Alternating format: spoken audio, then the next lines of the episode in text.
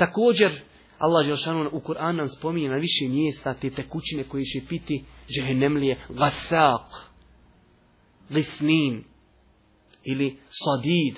Sve su to tečnosti, učenjaci mu fesiri se razilaze šta je to sve. Ali u velikom broju slučajeva to su tečnosti za koje kažu učenjaci, to je ona tečnost kada čovjeka peku, kada ga prži, kada ga muči, pa iz njega izlazi ona voda i tečnost i njegov znoj i ono što izlazi iz žena, iz njihovih spolnih organa, e to će piti Džehenemlije. To će, braćo moja draga, piti Džehenemlije, kao što kažu mu fesiri. Također, interesantno je spomenuti kada govorimo o tim pićima, za ljude koji piju alkohol. Kakva njih kazna čeka na ahiretu? Kaže Allah poslanik alaih salatu wasalam u vjerodostojnom hadisu, Kaže onaj ko pije alkohol. Prvi put. Kaže prvo Allah mu neće primiti na nas 40 dana. Moraš klanjati, ali ne prima se. Možeš sad ja neću klanjati 40 dana dok se to malo izmene ne pročiti? Ne, ne, ne. Moraš klanjati, ne prima se.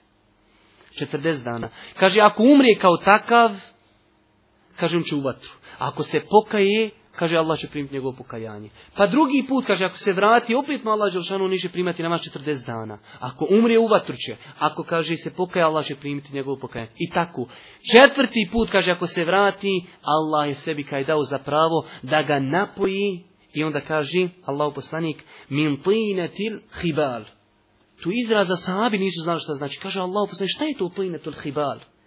Kaže Allah poslanik, e to je znoj, to je iscjedak oni džehennemlija, kada budu gorili oni njihove, ona masa, ona što izlazi iz njeha voda, e to kaže, time će Allah Đelešanu napojiti one koji budu na Dunjaluku pili alkohol.